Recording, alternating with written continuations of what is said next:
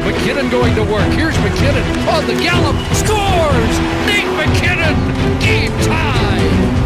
Oh a save! Holy mackerel, what a save! Hurst, grab me 18 for a cross check!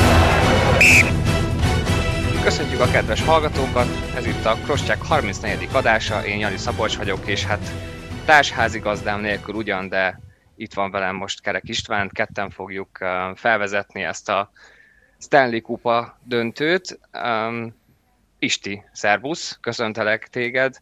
Hogyan élted meg? Először is beszéljünk szerintem a főcsoport döntőkről, mert, mert elég régen volt már adás, és ezeket a párharcokat még nem beszéltük ki, még éppen most ráztuk le magunkról a Tampa Islanders hetedik mérkőzést, a Montreal tovább jutott hat meccsen, hogyan élted meg, ugye ez a legfrissebb a Tampának a sikere, és akkor majd később rátérünk a döntőre is.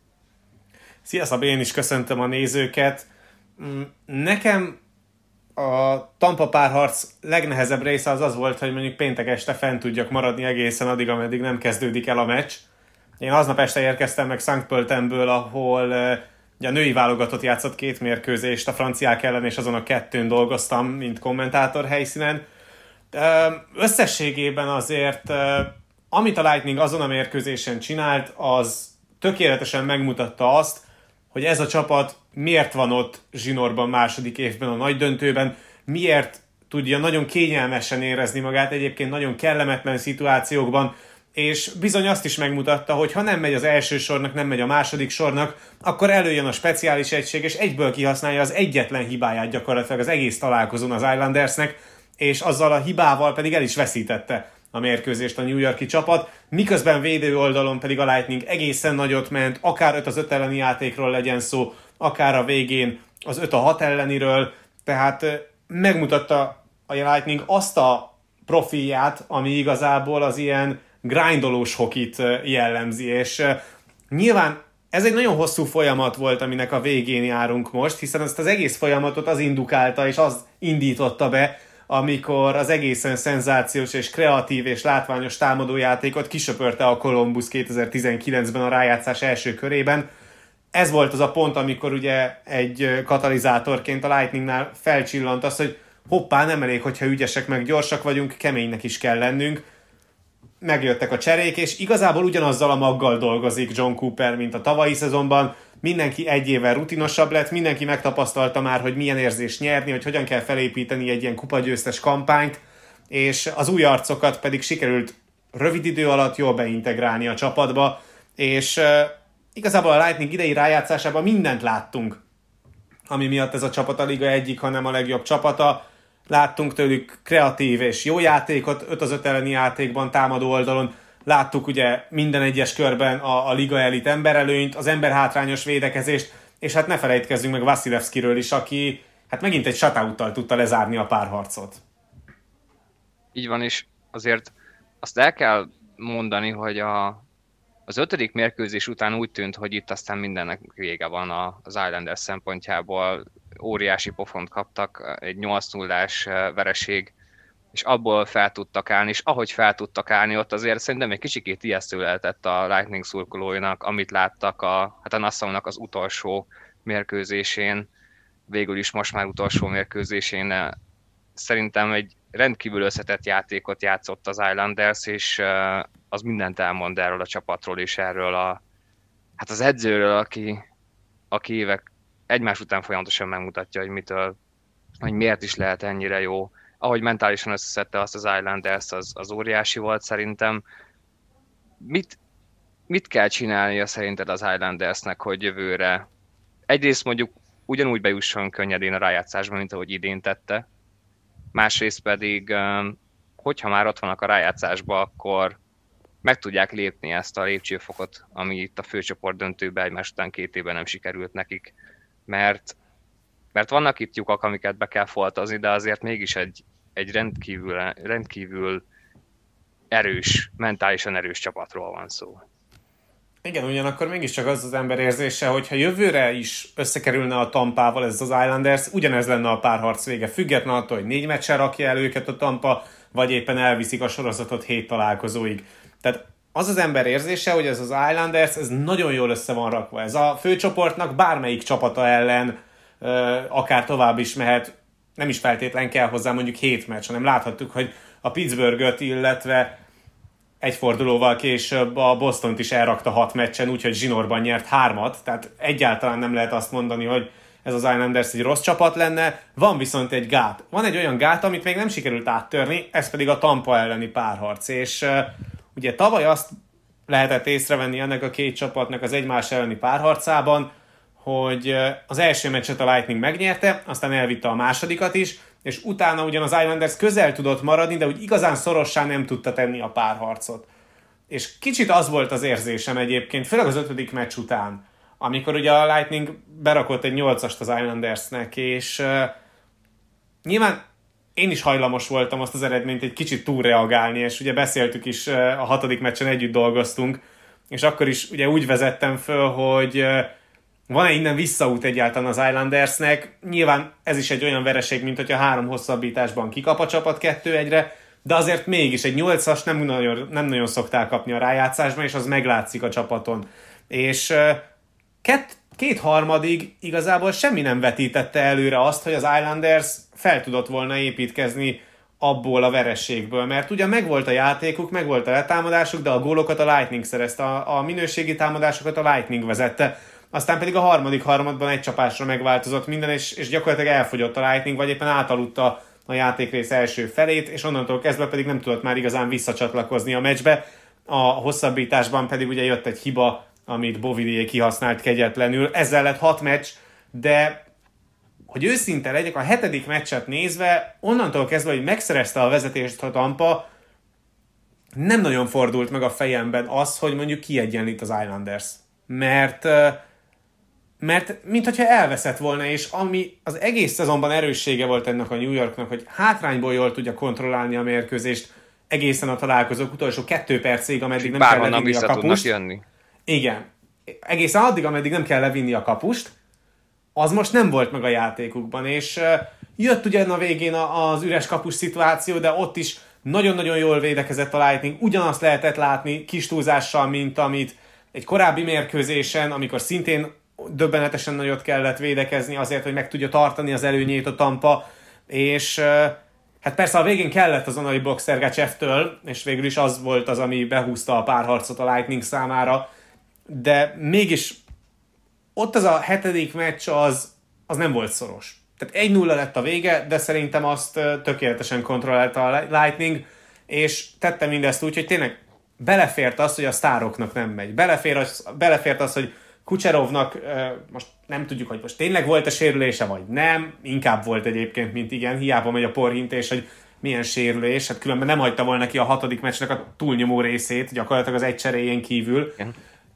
És nem ment ugye Stemkoszéknak, nem ment az emberelőnynek, és mégis ott tartunk, hogy a, a speciális egység hozza. És az a speciális egység, amelyik ugye, védekezésben nagyon jó, támadásban pedig azért annyira nem tud fellépni ember hátrányban a Lightning, mint teszi azt mondjuk a Montreal általában, és akkor ezzel már egy kicsit előre lehet vetíteni egyébként a legjobb párharcot az egész uh, nagy döntőben, de hát erről majd beszélünk később, hogy mit tud összehozni a Canadiensnek az ember hátrányos védekezése a Lightning ember előnyével szemben, de tényleg az az ember érzés, hogy ez az Islanders, ez, ez bárkit meg tud verni, amelyik nem a Lightning.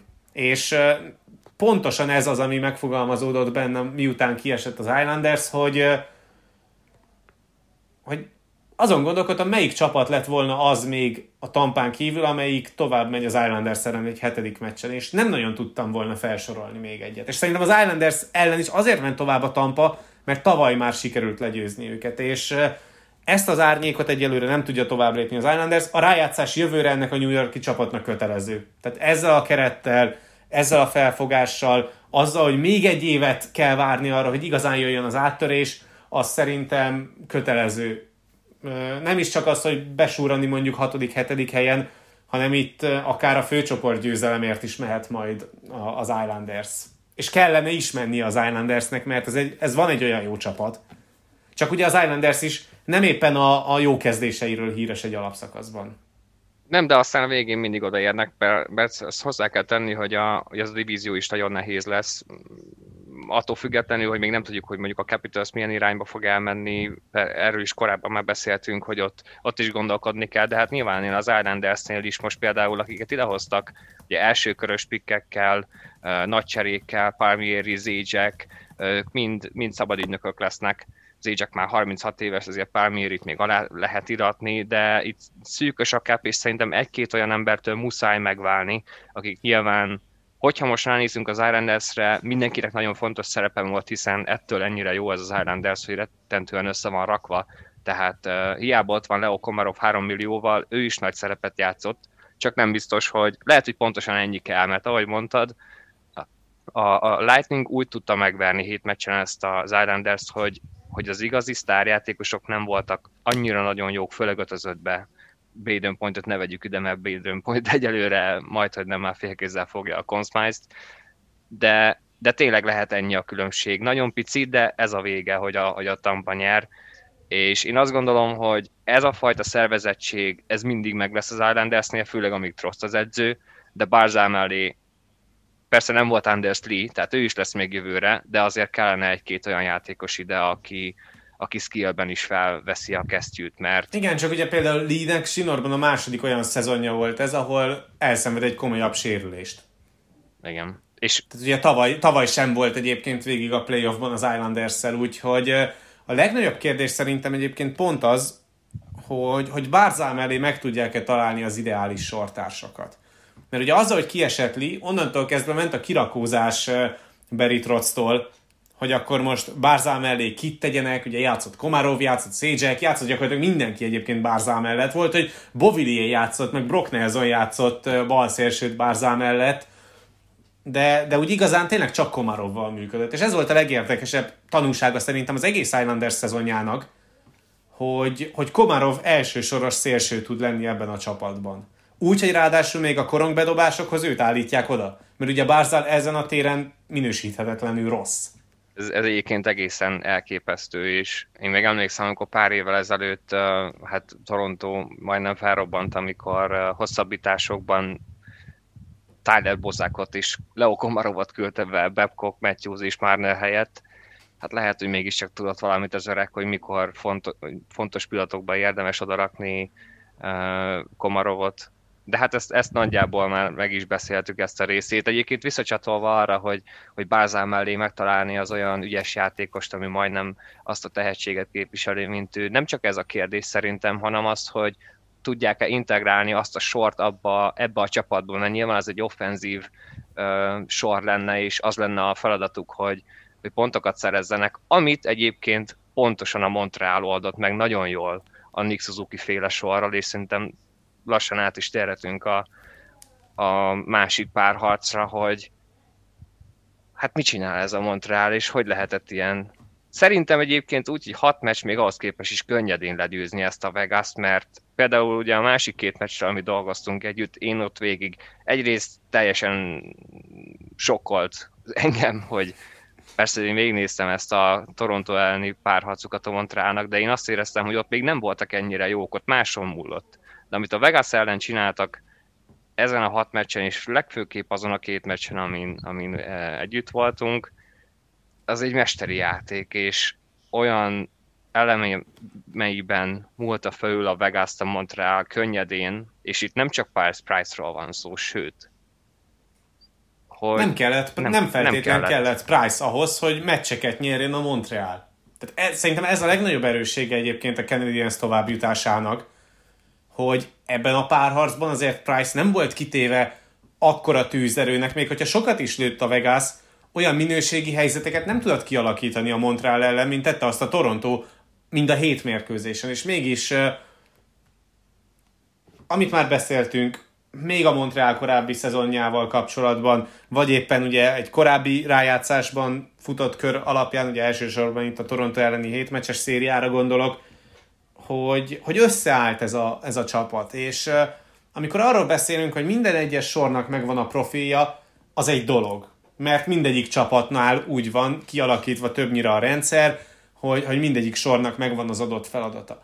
De nincs még egy olyan csapat az NHL-ben, és akkor ide lehet venni egyébként a, a New York Islanders-t is, hogy olyan négy sora van, amelyik ennyire közel legyen egymáshoz, mind tudásban, mind helyzet kialakításban, a védekezést azt vegyük le egy kicsit, mert mondjuk amit Suzuki-ékkal elveszít helyel közzel védekezésben a, a Montreal, azt mondjuk megkapják a túloldalon támadásban, illetve a Dano féle sor az úgyis védekezik extrát mindenki helyett, de hogy, de hogy pont ez, hogy, hogy ennyire közel vannak a sorok, ez meccselés szempontjából egy óriási helyzeti előny Duchamp számára, az pedig nagyon aggasztó volt már a Vegas szemszögéből, amikor a negyedik meccs után azt mondta Dominik Duchamp vezetőedző, hogy, hogy ennyire jól még nem játszott a csapata azóta, hogy ő a vezetőedző, és ennyire nem oldotta meg senki a saját feladatát, mint azon a találkozón. És Amit egyébként a Montreal hülyére nyert az 5 az 5 elleni játékban 60 perc alatt. Igen. És közben utána meg, utána meg veszítettek, és onnan álltak fel. Igen. Ez még a, ez még a negyedik meccs. És az, hogy ugye nyilván ennyire közel vannak a sorok, de, de pont ez a lényege, hogy, hogy ez így lett kitalálva ez a Montreal is, és abszolút a maximum fölött teljesít most jelenleg. Nyilván ez a játékosoknak is az érettségét mutatja be. Pont ez a furcsa nekem ebbe a Montrealba, hogy az egy, az egy dolog, hogy az, az edző zseniálisan összerakja ezt a csapatot, és megvan az a stratégia, amivel azt gondolják, hogy lehet azokat a hiányosságokat pótolni, hogy esetleg még nincs egy igazi első soros centerük, nincs hat nagyon-nagyon-nagyon jó védőjük, csak mondjuk egy négyes védelemre lehet számítani, és a két kiegészítő emberre, hogy ezeket a hiányosságokat egy olyan stratégiával pótolják, ami nagyszerűen ki lett találva, de ez egy, ez egy alap. A többi az, hogy jött egy Cofield, jött egy Suzuki, akik 21-22 évesen, vagy még annyi sem. És Egyszerűen... akkor Kotka Némiről meg nem is beszéltél, igen, aki igen. pedig a harmadik, a harmadik sor centere, és szintén ugyanolyan számokat hoz, mint a, a fentebb említett két játékos, csak talán annyira nem divatos most az ő behozatala. És ő a tavalyi, tavalyi rájátszásban ment akkor át, mint mondjuk Cofield idén. És így pontosan tudják a helyüket. Hát nem azt lehet látni, hogy meg lenne ez a stratégia, de nem sikerül, mert lemaradnak, mert össze-vissza korcsajáznak, mert nem tudják betartani azt, amit kér az edző, hanem mértani pontossággal egyszerűen hibátlanul játszanak, és ez az, ami szerintem, szerintem az egész, során, az egész szezon során valahogy így felépült és kialakult, és most már viszi őket a lábuk, meg az eszük, meg a minden, ami ott van. Szóval ez zseniális. Ezért zseniális a Montreal menetelése, mert itt mindenki szintet lépett. Tehát uh, amellett, hogy Kerry Price az elmúlt 20 év egyik legjobb, vagy hanem a legjobb uh, védési hatékonyságát mutatja, mert, mert ő meg úgy játszik, akit akire már nagyon sokan nem gondoltak, hogy fog így még ő játszani, lesz ismét a világ legjobb kapusa. De hát egy olyan csapat van előtte, amit szerintem most már ő sem igazán hisz el, hogy oké, okay, srácok, itt vagyok, de lassan elviszitek a sót előlem, mert nem csak rólam szól már ez az egész. Igen, lehet, hogy elkezd féltékenykedni a védőkre, vagy éppen Igen. a Cofield fél, féle sorra, amiről gyakorlatilag tényleg fel lehet építeni az egész Vegas elleni szériát, hogy Cofieldék mekkorát mentek, hogy Cofield lő négy gólt ebben a sorozatban, azt, hogy Cofieldé a, a holt versenyben a legtöbb pont Suzuki-val egyetemben, tehát hogy az a sor az egészen döbbenetes, hogy mit ment, és akkor még akkor ide vehetjük az első sort Gelegerrel, Danóval, illetve Lekonennel, aki a, a párharcot eldöntő hosszabbításos gól volt, tehát tényleg minden nagyon klappol a, a Montrealnál. És ez a negyedik és sor, szerintem, ami igen, szinte és még van a negyedik sor, néha. amelyik szintén uh, annyira jól tud kontrollálni korongot az ellenfél harmadában, hogy főleg a második harmadban ér nagyon-nagyon sokat az a szintű korongtartás és minőségi offenzív zóna idő, amit Stahl, Perry, illetve Ármia, vagy éppen a következő párharcban, a Stanley döntőben az elején mindenképpen evans kell majd helyettesíteni, ugye Ármiát, aki bekerült a liga koronavírus protokolljába, de szerintem most egy kicsit még ne kanyarodjunk át a döntőre, hanem beszéljünk arról, hogy a Vegasnak hogyan tovább. Nekem van egy elég egyértelmű forgatókönyvem, amit egyébként uh, szinte egybehangzóan uh, szajkóz a teljes nyugati média. Házat, kocsit, mindent uh, Eicherre. Hát akkor hát, fejtsd ki, figyelj, hogy hogyan egy, látod ezt az hát, Eicher dolgot. Hát, Egyrészt, hogy egy, beférne másrészt, hogy van-e, van-e értelme és hogy nem -e rizikós ez a dolog, már mint tekintve egyrészt el kell um, egészségügyi helyzetét, mert ott talán egy komoly műtét vár rá, hogy most már egyre biztos. kell majd azt hiszem megműteni, Igen. és egy, egyre valószínűbb.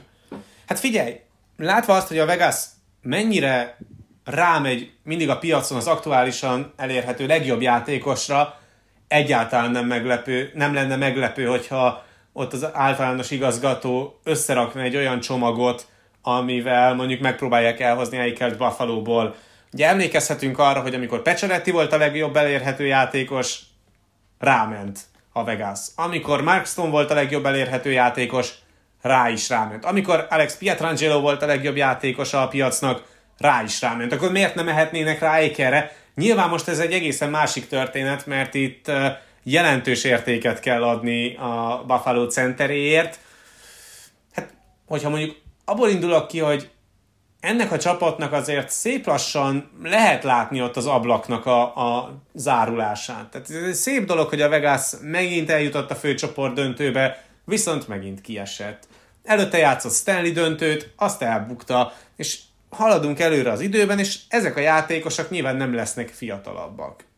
Nyilván a játékfelfogás az nem fog változni, mert ugyanúgy szét fognak lőni mindenkit a kékről, de az, hogy egy Chandler Stevensonnak a hiányát ilyen szinten megérezze egy Montreal elleni párharcban a Vegas, az egyszerűen tarthatatlan. Az, hogy centerjátéka nincsen gyakorlatilag a Vegasnak az egész rájátszásban azokon a mérkőzéseken, amikor Stevenson nincsen, az, az minősíthetetlen, és ilyen feltételekkel nem lehet a kupáért menni. Tehát, hogy, hogy muszáj valahogyan szétrobbantani ezt a csapatot, mert látszik, hogy ennek a csapatnak jelenállás szerint megvannak a korlátai. Mivel lehetne ezt valahogyan megvariálni, bővíteni a centerposztot, és nem is feltétlen az első sorba kell berakni Eikelt. Mert azt lehetett látni, hogy Stevensonnak egyébként nagyon jó a kapcsolata Pecsarettivel, illetve Stone-nal ott az első sorban, ebben a szezonban egyértelműen látszott.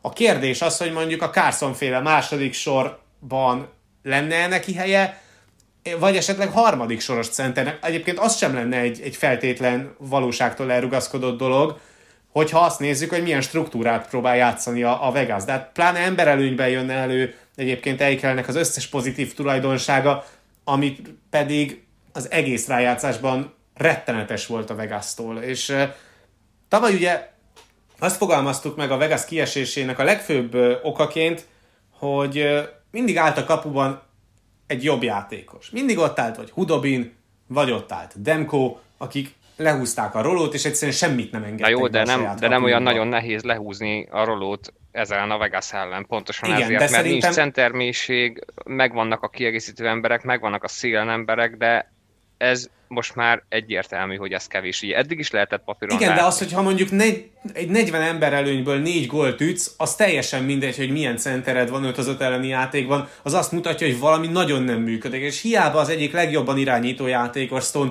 akár a sarokból, akár a half ról egyszerűen, egyszerűen nem lehet rendes playmakerrel, illetve egy rendes playmakerrel nem lehet ez ellen a, a, a Montreal ellen eredményesnek lenni emberelőnyből.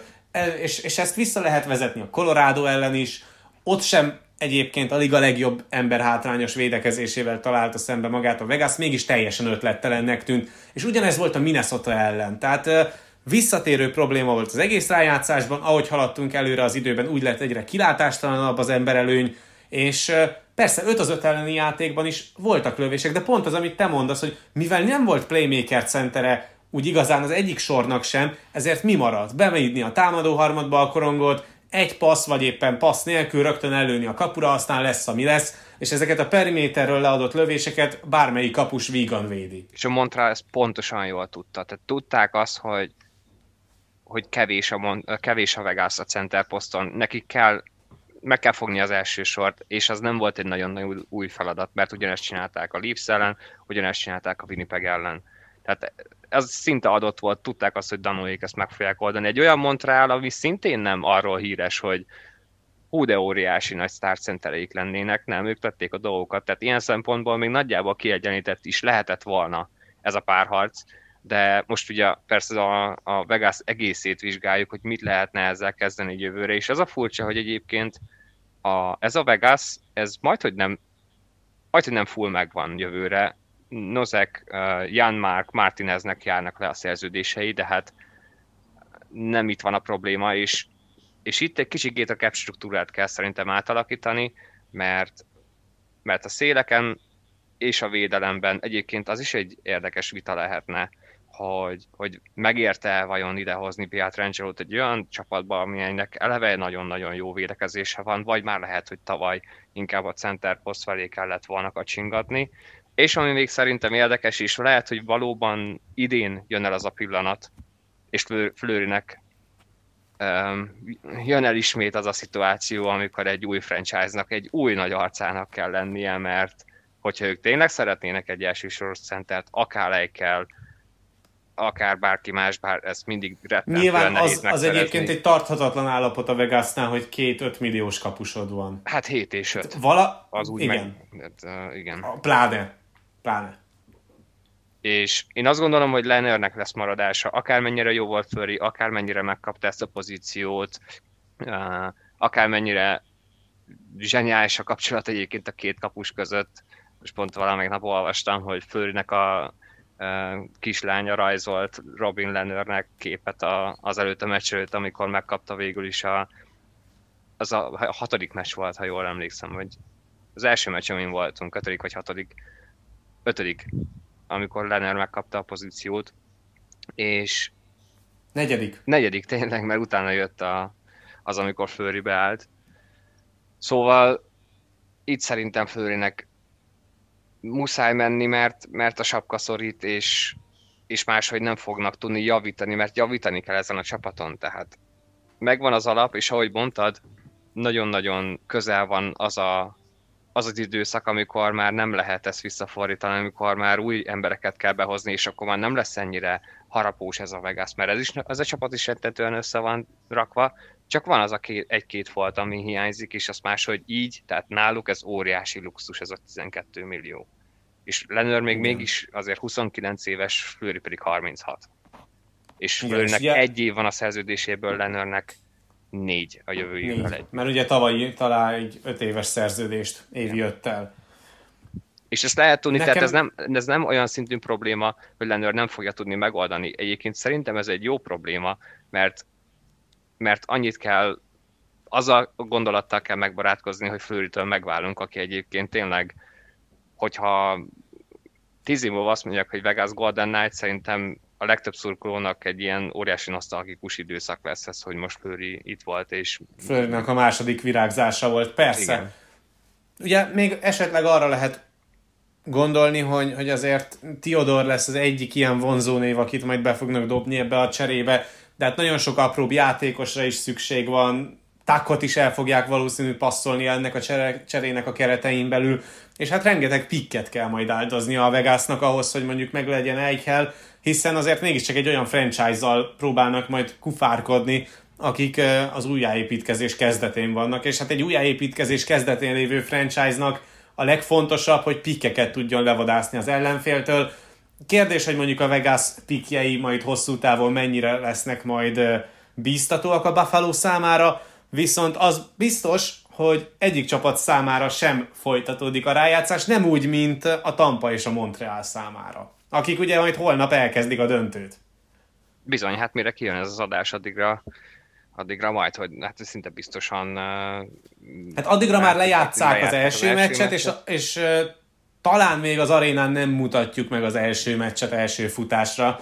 14.30-kor kerül majd kedden képernyőre. Az egyetlen olyan mérkőzés a döntőben, amit nem tudunk élőben mutatni más kötelezettségeink miatt, viszont a második meccstől kezdve egészen a kupa átadásig minden egyes mérkőzés élőben lesz majd vagy a tévén, vagy az online felületünkön az Arena 4 pont pluszon. Ennyi reklám után pedig akkor felőlem rá is térhetünk magára a párharcra. Hát akkor tegyük meg, én, én örültem egyébként, most akkor már elmondhatom, hogyha miután a Montreal bejutott a döntőbe, hogy végül is a tampát kapta, olyan szempontból, hogy itt tényleg kettő olyan csapat feszül egymásnak, ami szerintem nagyon-nagyon különbözik. Egy, a játék egy-két elemében meglepően egyébként nem, de mégis arról van szó, hogy, hogy hogyha mondjuk a GM-ek a, összerakják a, az elképzeléséket is, meg, is, hogy hogyan valósítsanak meg egy igazi győztes csapatot, akkor mondjuk van egy Tampa Bay Lightning, ami évek óta arra épül, hogy hogy elképesztően mély, óriási tehetségek vannak náluk, rendkívül jól draftolnak, megvan a szenzációs kapus, tehát igazából a Tampánál minden megvan, de mégis inkább a támadójáték dominál, amit az évek során úgy leginkább a kudarcok árán is, és a rettentően jó cserék árán is megfűszerezték azzal, hogy a védekezés is összeállt, és, és nem csak támadásban igazán jók, mint mondjuk egy Toronto, vagy egy Colorado, vagy, vagy még lehetne sorolni, hanem ez egy igazi komplett csapat. És akkor ott van a másik oldal, mint egy Montreal Canadiens, akiknél szerintem itt egy, tényleg egy egészen kivételes szezonról lehet szó, mert hogyha talán az, az év elején, hogyha megkérdeznek, akkor vagy egy-két szurkolót, akkor lehet, hogy azt mondják, hogy odaérhetnek, mert akkor tényleg nagyon jók voltak, de a szezon közepén volt, amikor mindenki azt mondta, hogy na hát igen, na hát mégsem olyan jó, ugye, hogy nem olyan jó ez a Montreal. Aztán ahogy összeszedték magukat, amennyire szervezetten, és a védekezése alapuló játékkal, a, a szervezettség, az, hogy minden korongra odaérek, a szívemet, lelkemet kiszedszem a jégre, ez a másik, amit mondjuk az Islanders is képvisel, szóval ilyen szempontból a döntő lehet, hogy egy kicsikét um, külső szemnek mondjuk unalmasabb lehetett volna az Islanders ellen, persze ez csak egy ilyen teoretikus gondolat, mert lehet, hogy az is egy óriási párharc lett volna, csak az két nagyon hasonló csapat. Itt. Viszont arról van szó, hogy egy nagyon offenzív, a másik pedig egy nagyon defenzív, és mondjuk lehet, hogy kvalitásokban um, szűkölködő csapat feszül egymásnak, ugyanakkor a világ talán két legjobb kapusával a Montreal szezonjának a, az eleje az, hogyha megnézzük magát a mutatott játékot és az eredményeket, az nagyon jól nézett ki. Ugye egy ideig még vezették is talán a, az északi divíziót, vagy legalábbis ott voltak az első kettő között. Tehát nagyon jó rajtot vett a Montreal, de ugye volt kettő szerződés hosszabbítás a holt szezonban. Ugye szeptemberben aláírt Pitri további négy évre, és Geleger pedig további hat évre, és a kettő szerződés hosszabbítás között eltelt egy hónap. Ez időszak alatt pedig leakasztottak kettő csatárt a, a szabadon igazolható játékos piacról, ugye anderson illetve Toforit, talán pont ilyen sorrendben szerezték meg a két játékost, és Andersonnak az alapszakasz elején ment nagyon jól, Toffolinak pedig a rájátszásban jöttek folyamatosan a, a jobbnál jobb és fontosabb gólok, miközben egyébként ő az egész, egész alapszakaszban remekül teljesített de már ezeknél a tranzakcióknál lehetett látni, hogy a Montreal elindul valamerre, és az elején ez jól is működött, csak aztán érkezett egy törés, ami hát szakadékba vitte gyakorlatilag a Montreal, tehát hogy elképzelni nem lehetett volna azt, hogy ebből mondjuk rájátszás lesz, vagy mondjuk második kör, vagy harmadik kör, aztán Eli pedig hát nyilván eszébe sem jutott senkinek, és mégis minden egyes apró igazolás Berzsevint igazolja. És ez, ez, ez annyira vicces, hogy... Amit a csere határidő előtt uh, leremegett mindenki a Gustafsson csere miatt. Gustafsson 5 az 5 elleni játékban eldugható az ellenfél harmadik, negyedik során. Nincsen sok jégideje. Viszont a Montrealnak az emberelőnye az ő játékával javult fel. Tehát amint Gustafsson bekerült az első emberelőnyös sorba a Weber helyére, hirtelen ugrott szinteket a Montreal emberelőnyös játékának a kihasználása. Tehát, hogy hogy egy ilyen peremember, aki miatt Cofield nem fért be például a, a csere határidő utáni mérkőzéseken, mert ugye úgy jött ki a fizetési plafon, hogy az újonc játékos már sehogyan sem fért bele az aznapi meccs keretbe. Mégis a kevés ég ideje ellenére mennyire fontos láncszeme ennek a Montrealnak. És akkor Erik Starról nem is beszéltünk, akit te is még abban a cserehatáridős podcastben az egyik legjobb cserének tituláltál, hiszen ő tipikusan egy olyan játékos, akit bármelyik csapat szívesen fogadott volna a, a rájátszásra, mert, mert megvan, megvan a rutinja, bulik elhozatalában is hatékony, és látjuk, hogy ebben a negyedik sorban ő mennyire fontos szerepet játszik. És arról ne is beszéljünk, hogy, hogy 2 plusz 6 talál jelenleg a rájátszásban, ezzel pedig azt hiszem a hatodik legjobb Montreali. Hát és ez a törés, amit mondtál, a szezon közepén is, ahogy éppen ráfordultak a, a rájátszásra, ez, ez, ez olyan szintű volt, hogy én emlékszem, ezt talán a közvetítés során is említettem, hogy, hogy a Montreal szurkolók szinte könyörögtek, hogy a Torontónak, hogy, hogy legyen itt minél hamarabb vége, itt legyen egy söprés, legyen négy-egy, mert hát ez, mit csinál ez az ember? Már évek óta ott van Bergevin, már nagyon-nagyon rég azt kívánták, hogy, hogy, hogy menjen el minél hamarabb ettől a franchise-tól, és mennyire nem működnek a dolgok, hát elcserél egy Domit, egy Josh Andersonért, aki az elmúlt két évben lőtt négy gólt, és ad neki azonnal egy olyan hosszú szerződést, ami egyébként majdnem, vagy még több is, mint amit Domi keresett. A Toffoli szerződés azért ott szerintem nagyon sokan csendben maradtak, mert az egyértelmű volt, hogy az egy, az egy nagyon szép húzás, és nagyon szép összeg. Az egy nagyon áron aluli Így van, úgyhogy nagyon sokáig kim volt a piacon. Szóval, szóval folyamatosan olyan, olyan nagyon ellentétes hangok jöttek, de leginkább az, hogy ne legyen sikeres ez a Montreal, mert, mert nem jó, ami történik. És amit mondtál, hogy hogyha végignézünk itt az összes, nem lehet senkibe se belekötni, minden egyes húzás úgy, ahogy van bejött, és innentől kezdve szerintem bármi a vége, hogyha most söpri a Tampa ezt a, ezt a Montrát, akkor is azt fogjuk mondani, hogy Bergevint igazolta, mert itt vannak a döntőbe is, egy olyan szezonon vannak túl, és olyat adtak végül a szurkolóknak ez a csapat, ami, amire álmukba se gondoltak volna. És ez, annyi, ez nagyon furcsa ez a lélek talán ennek a szezonnak, főleg a Montreal szurkolók szemszögéből, hogy, hogy milyen kicsi múlhatnak ezek a dolgok, az, hogy valamelyik csapat odaér, és, és hogy mennyire szerintem még a legvérmesebb szurkolók is laikusan látják ezt a sportot, mert, mert össze lehet rakni egy ilyen csapatot is, mert mindig, minden egyes posztot meg lehet magyarázni ennél a Montrealnál, hogy miért nem működhetne. Nincs igazi elsősoros center, akik viszik a, a, az adott sort, abban mindenhol van egy 20 éves játékos, akitől egyszerűen nem lehet elvárni ezt a fajta érett játékot. Négy védőjük van, abból az egyik séveből 36 éves, Jeff Petri 33, aki egyébként a semmiből lett egy zseniális védő, és mégis itt vannak. És... Abszolút, és egyébként Berzsevi mondta azt, hogy föltettek neki egy kérdést valamelyik sajtótájékoztatón itt a döntőt megelőzően, hogy szerinte hogyan fognak mondjuk rá visszaemlékezni a, a Montreal szurkolók majd, hogyha az ő munkásságát és az örökségét próbálják majd meg meghatározni.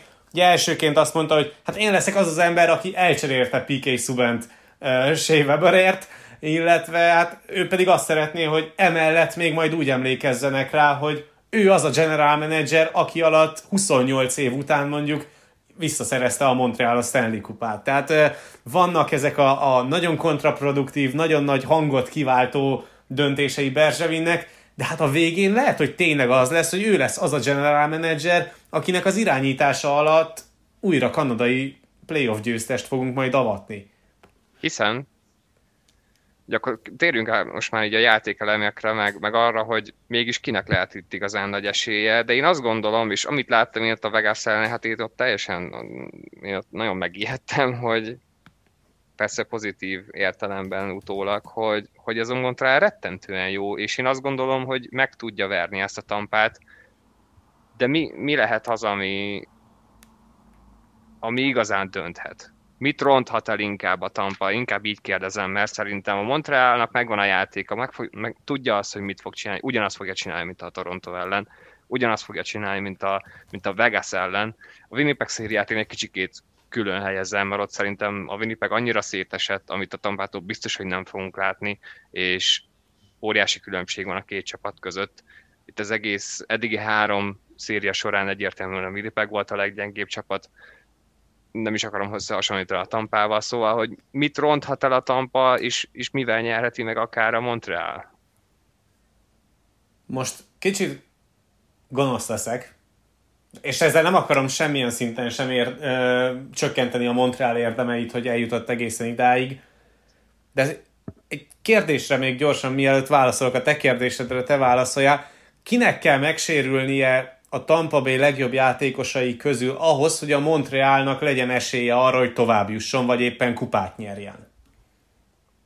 Mert ugye eddig ez volt a helyzet, hogy mind a két párharcában, sőt igazából mind a három párharcában a, a Montrealnak volt egy olyan időszak, amikor az ellenfél nélkülözte bizony a legjobb játékosát. Ugye Tavares az első mérkőzésen kiesett a Torontóban, akkor Scheifli rögtön kilőtte magát a teljes párharcra az első meccses ostobasága miatt, akkor Stevenson hiányzott a, a Vegasból, ki fog a Tampából? Vagy kinek kell hiányozni a Tampából ahhoz, hogy, hogy ennyire megnyíljon a lehetőség a Montreal előtt. Hát akkor ezzel együtt akkor válaszolok úgy, amivel rá is kanyarodhatunk. Szerintem a, a legnagyobb pikantériájára ennek a szériának, amellett, hogy Price és Vasilevski fog farkas szemet nézni egymással folyamatosan, az az emberelőny és az ember hátrány. Ugye a Montreal egy zseniális ember hátrányt húzott, ami pontosan ugyanaz, amit uh, akkor játszottak, amikor 93-ban megnyerték a kupát, egy az egyben. Tehát még az is, amikor a semleges zónában védekeznek, az is, amikor már benn vannak a zónában, és ezt nagyon szépen játszák, nagyon-nagyon nehéz őket kimozgatni, de mégis ott van a tampának egy olyan emberelőnye, ami egyszerűen a játék minden egyes szegletében, a pálya minden szegletében van egy olyan játékos, akitől rettegni lehet, és ezért ennyire félelmetes az az emberelőny, mert, mert nem azt látjuk, mint mondjuk, amit az Islandersnél kiemelhetünk, hogy lehetett tudni, hogy Bárzát csak passzolni fog, és, és Bárzát el lehet felejteni, mert ő nem fog lőni. Na most a Tampánál ott van bal oldalt Stamkos, ott van középen Point, ott van jobb szélen Kucherov, és ott van hátul egy Hedman. És, és akkor még ott van a, a kapu előterében, vagy éppen a sarokba kimozogva az a Kilorn, aki szintén nagyon jól teljesít ebben a rájátszásban góllövés És terén. akkor ezt, ezt megválaszolva, szerintem Kucherov, de vagy Point. Mert, mert hogyha ők kiválnak, akkor nehéz pótolni azt a fajta totális kiszámíthatatlanságot a tampánál. Be lehet oda rakni egy embert, de valószínűleg akkor a Montreal már tudni fogja, hogy az az ember nem, az a játékos, aki mondjuk Kucherov helyére bekerül, nem lesz annyira számottevően jó, mint Kucherov. Mondjuk az Nagyon a játékos, aki Kucherov helyére bekerül ebben a Tampa Bay emberelőnyben, az, az a Palat, aki az egész szezont végigjátszotta az em- első emberelőnyös sorral, ugyanebben a felállásban, hogy Stamkos, Hedman, Point, illetve Kilorn. Tehát, hogy papíron egyébként ez a, ez a sor ez nagyon jól össze van rakva, szintén oké, okay, nem hozott olyan extra számokat, mint amiket a rájátszásban, de hát ezt nem is lehet elvárni egy 56 mérkőzéses alapszakasz mintán sem. De én is egyébként így arra hajlok, hogyha mondjuk Kucserovot el kell veszíteni a tampának, vagy elveszíti a tampa, akkor, akkor az Islanders után a, a Montreal is profitálhat ebből. Igen, azért, mert, mert szerintem muszáj lesz a tampának ebből hatalmasat hoznia és, és villantania, hogy mennyire jó ez az emberelőny, mert, mert szerintem 5 az 5-ben borzalmasan frusztráló lesz a, a Tampa számára a Montreal. 5 az 5-ben ez a két csapat egyébként nagyon közel van egymáshoz, tehát sokkal közelebb van, mint ami mondjuk elsőre az ember eszébe jutna, jutna pont amiatt, mert a Lightningnak egyébként a góljainak a 34%-a emberelőnyből születik. Tehát ez, ez egy egészen döbbenetes számadat, és ez egyébként volt még magasabb is az Islanders elleni párharcban. Igen. Hogy, hogy ennyire támaszkodik egy, egy csapat az emberelőnyös játékára. Az elmúlt 15 év bajnok csapatai közül egyik csapat sem támaszkodott ilyen szinten. Ugye a Detroitnak még 2008-ban volt egy ilyen 28%-os emberelőny 5 az 5 elleni játékos gólarány elosztása, az, az a legtöbb az elmúlt 15 évben, de meg sem közelíti a Lightningnak az emberelőnyös hatékonyságát, és amit én ki akarok emelni a, a Montreal ember hátrányos védekezésével kapcsolatban, hogy a Lightning ugye idén már játszott olyan ember hátrányos védekezés ellen, ami nagyon agresszív volt. Ez, erre mondjuk készülhetett az egész alapszakaszban, hiszen ott volt a Carolina, amivel játszott egy haló meccset, pontosan tudta azt, hogy hogyan védekezik a Carolina, a rájátszásban megsemmisítette azt a fajta agresszív védekezést, sőt, igazából már az alapszakasz vége felé is megtalálta az ellenszert a Tampa arra, hogy hogyan lehet kimozdítani a komfortzónájából az agresszív Carolinai emberhátrány védekezést. Csak az lesz a különbség, hogy a Carolina-nak az emberhátrányos védekezése az abban állt, hogy még mielőtt bejuttatta volna a korongot a támadó harmadba a Lightning, vagy miután bejuttatta, de visszakerül a kékre a korong, akkor kettő az egy elleni, vagy kettő a kettő elleni szituációkat próbáltak kierőszakolni, ezáltal viszont a pályának a mélységi területeit, a körtetejét, vagy éppen az alapvonalat, az teljesen feladta. Úgyhogy, ha sikerült bejuttatni mögéjük a korongot, akkor azonnal gólt lőtt a Lightning.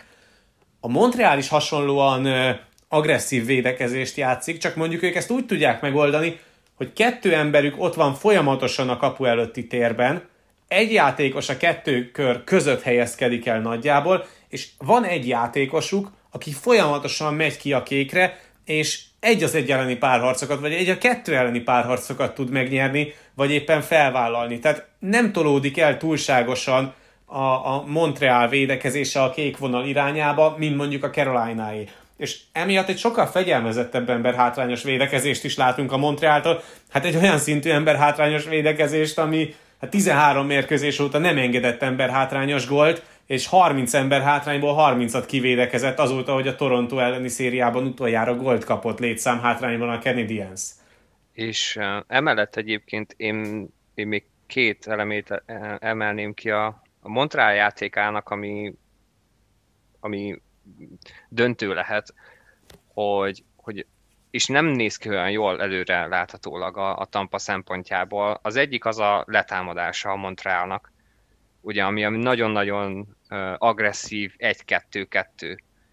És olvastam egy elemzést, ami érdekes lehet olyan szempontból, hogy a Tampa hogyan tudja felépíteni a támadásait, hiszen a Carolina-nak és a New York islanders is nagyon agresszív volt a letámadása, amit végül is csak úgy tudtak megoldani, vagy többnyire úgy tudtak megoldani, hogy körbelőtt korongokkal, és nem pedig azzal a játékkal, aminek a Tampa, ami a Tampa játékát jellemzi, hogy egy, egy támadó azonnal kimegy a, a, védekező zónából, a palágnál van egy játékos, és a kapu előtt van még egy csatár, a két védő pedig széthúzza a játékot, és a védő, vagy egy védő kapja a korongot, vagy pedig az a csatár, aki általában az a csatár, aki kimegy a zónából.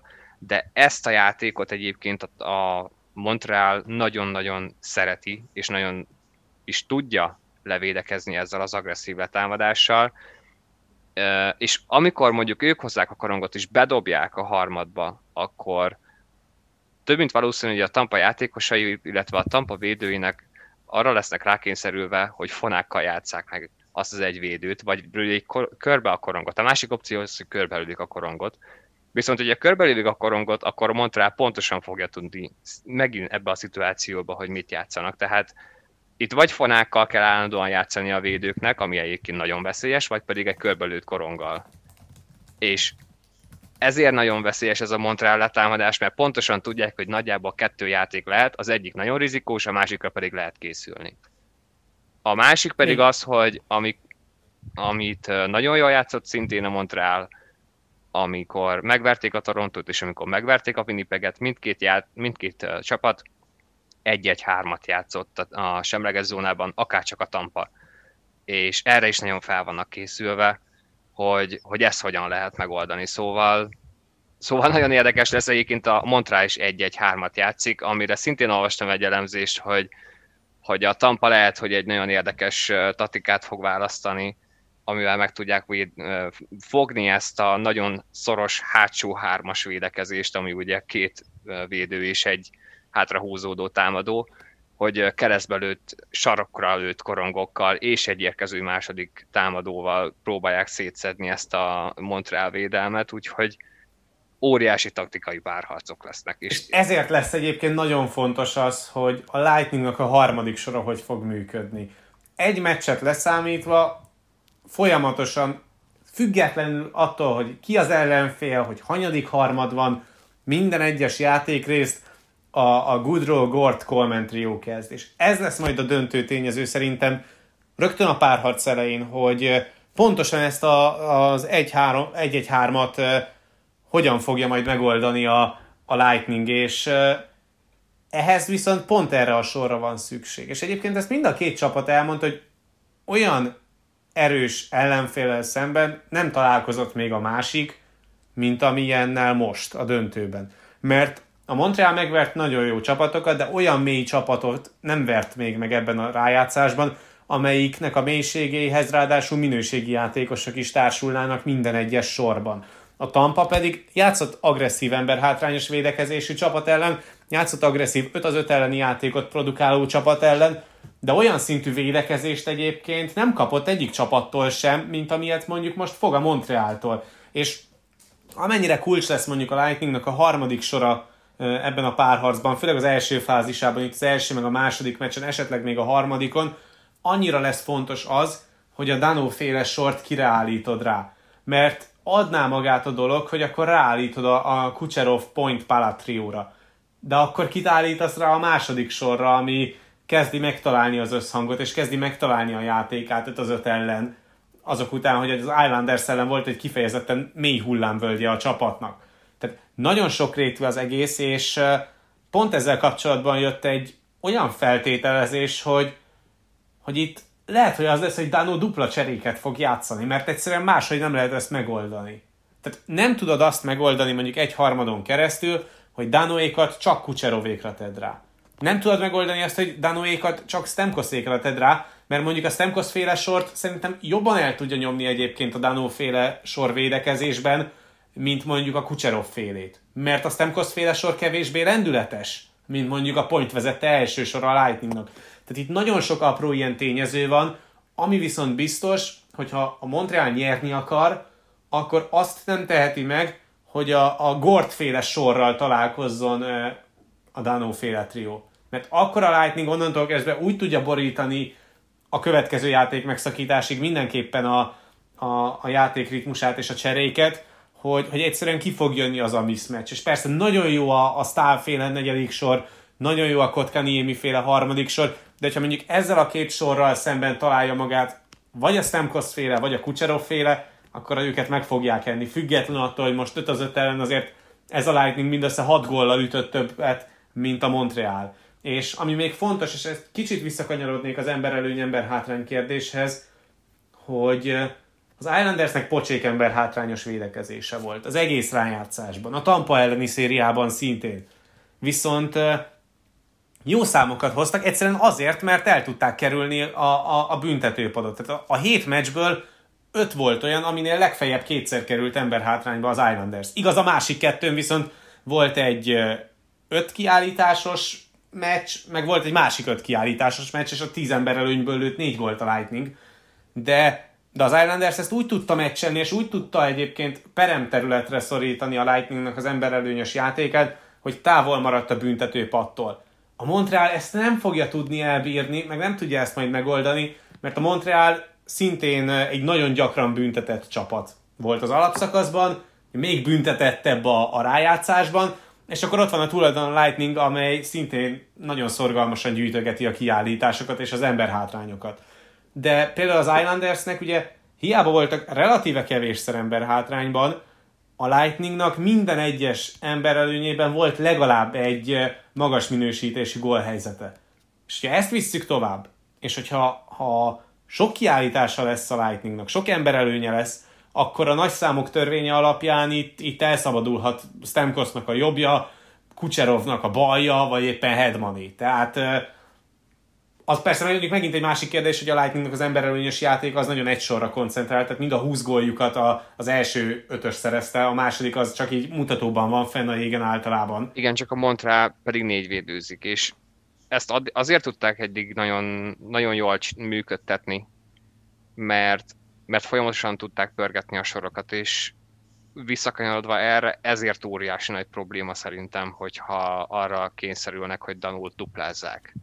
Hogyha erre kényszerülnek, az, az, az akkor azt szerintem a szériának annyi. Mert olyan szinten megbomlik az egész egység, és nem arról van szó, hogy egy ember elfárad, és, és egy sornak kell máshogy funkcionálnia. Itt az egész sor tehát az egész csapat taktikája borulhat ezzel, hogyha De itt egyébként duplázik. abból a szempontból ki kell lépni a komfortzónájából a Montrealnak, hogy ennek a párharcnak az elején nem teheti meg azt a Canadiens, hogy rögtön négy védőzik.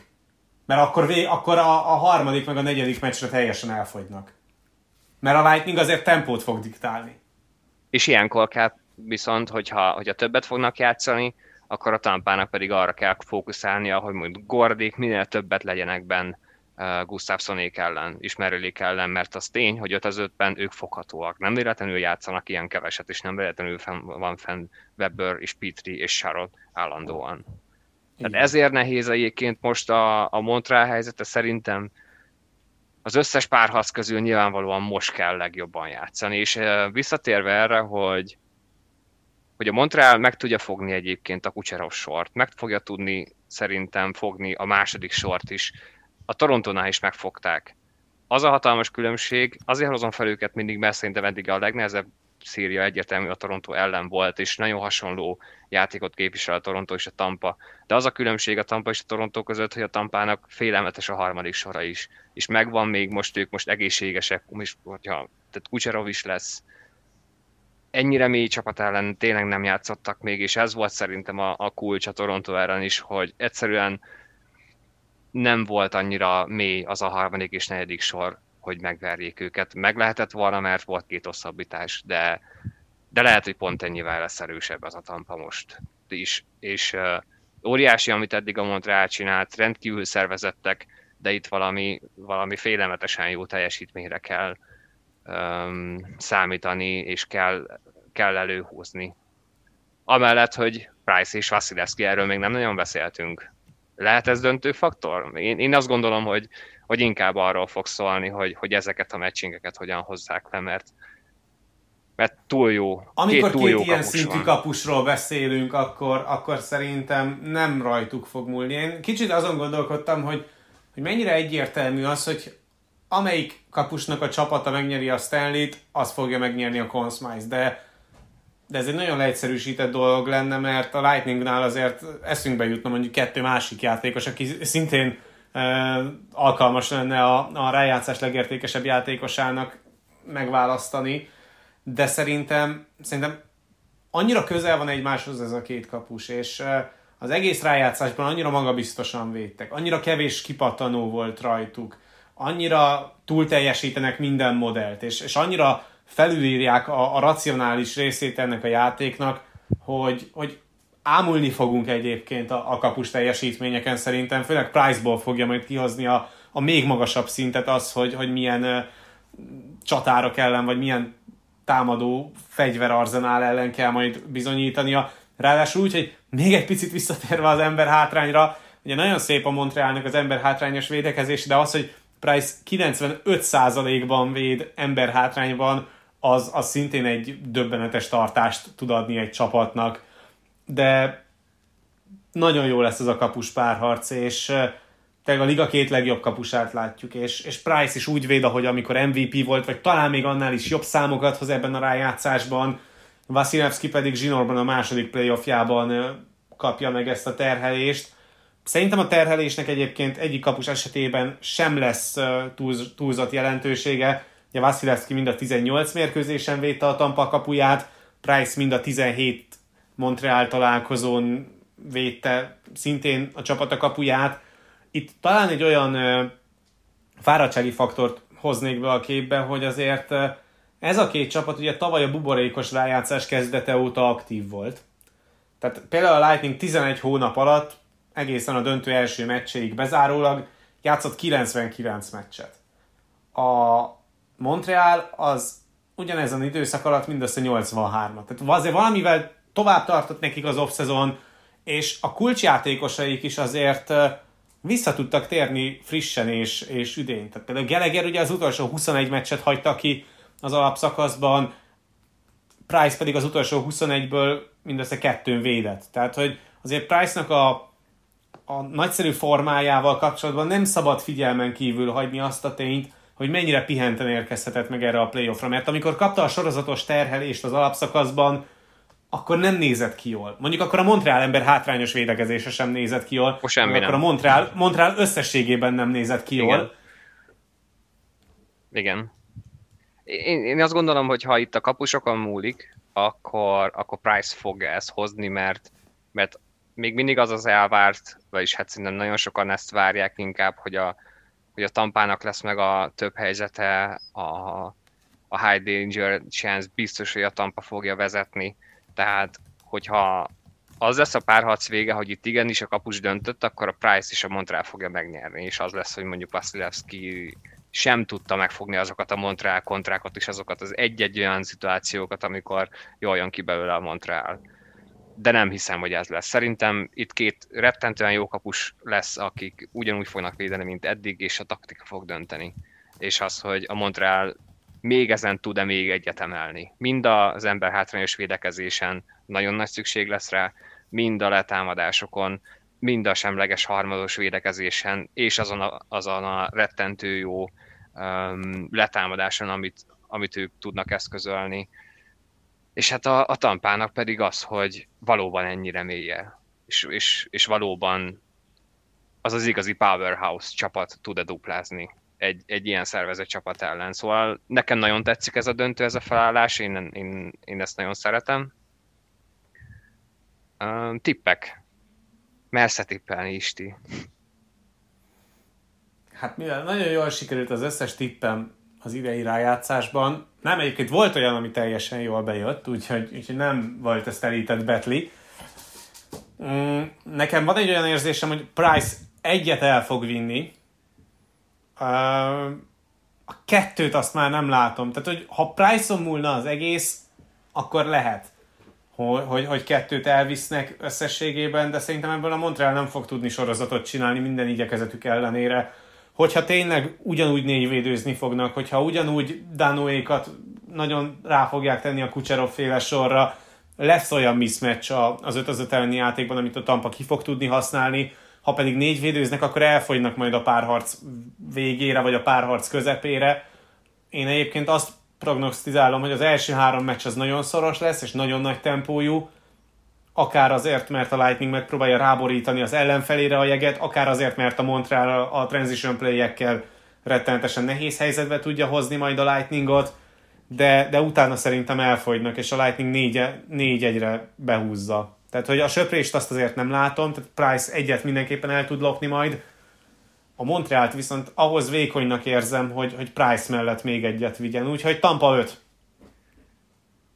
Én megpróbálom egészen lefedni magam, így a választ, hogy milyen lehetőségek vannak. Lehet én is elsőre ezt mondtam volna, viszont hogyha, hogyha nem sikerül öt meccsen, mert én is azt gondolom, hogy Price vagy a nagyon-nagyon szervezett védekezés el fog vinni egyet, ebbe szinte biztos vagyok, tehát a söprést azt nagyon-nagyon nehezen tudom elképzelni, maximum tényleg, hogyha, hogyha teljesen elfárad a Montreal fejben leginkább. Mert amit csinálnak, az fejben a legnehezebb. Hmm, hogyha viszont nem lesz öt meccs, és elmegy hat meccsig, és azt nem tudja lezárni a Tampa, valamilyen oknál fogva, és hét meccs lesz, azt a Montreal meg fogja nyerni mert a Montreal annyira félelmetesen erős mentálisan, és nem egyszer láttuk már ebbe a playoffban, hogy, hogy az igazán fontos pillanatokban egyszerűen akkor játszanak a legjobban. És a tampának szerintem, mm, hogyha el is tud húzni az elején, ez lesz a legfontosabb, és lehet, hogy ez lesz a legnehezebb is, hogy valóban lezárni. simának tűnően lezárni. Mert hogyha magára engedi a Montrealt, és elhiteti a Montreallal, hogy itt a döntőben is igazán van keresni valójuk, és tényleg itt vannak és megnyerhetik, akkor, akkor baromi nehéz lesz. És ezért mondom azt, hogy szerintem is öt meccsen meg tudja oldani a Tampa, de hogyha magára húzza a Montrealt, és mondjuk hét meccs, akkor az nagyon nehéz lesz. Úgyhogy, úgyhogy hú, hú legyen hat meccs. Hat meccsen behúzza a Tampa, de hogyha nem húzza be, akkor a hetediken, akkor a hetediken Montreal. Jó, akkor vegyük úgy, hogy a, az egyiket majd a Barna mondja utólag, és akkor az lesz az igaz, vagy azt mondod te, amelyik végül bejön a kettő közül. Ö, Megbeszéltük. De, de a vége az, hogy hat meccs Tampa. Consmice? Hát Baden Pointnak adnám akkor is, hogyha itt nem tudom, hogyha a végén visszahozzák a Bostont, és ők nyerik az egészet valahogy. Félelmetes. Price is, persze, mm, Hogyha Montreal... Azt elképzelhetőnek tartod, hogy mondjuk vesztes csapatból jöjjön ki? Hát nagyon győztes? nehezen szerintem ekkora hőstörténet nincs idén. Hogyha Montreal... Ez a Price, ez a Price story sem számít annak? Maximum úgy tudom elképzelni, hogy annyira megsarnálja valamiért Gary Batman Kanadát, amire mondjuk még soha nem volt példa, hogy már csak ezért adják Price-nak és a Montrealnak, és, és akkor az hazaviheti, de nagyon nehezen. Lehet, hogy megérdemelni egyébként, de vesztes csapatból azért elég ritka. Hogyha a Montreal nyeri, akkor Price, hogyha a Tampa, én most nem adnám Vasilevskinek, szerintem ez pointé. Akkor ezzel nem fogunk összeveszni, mert én pont arra számítottam, hogy majd pont azt kell megve- megvédenem, hogy miért adnám pointnak Vasilevski ellenében.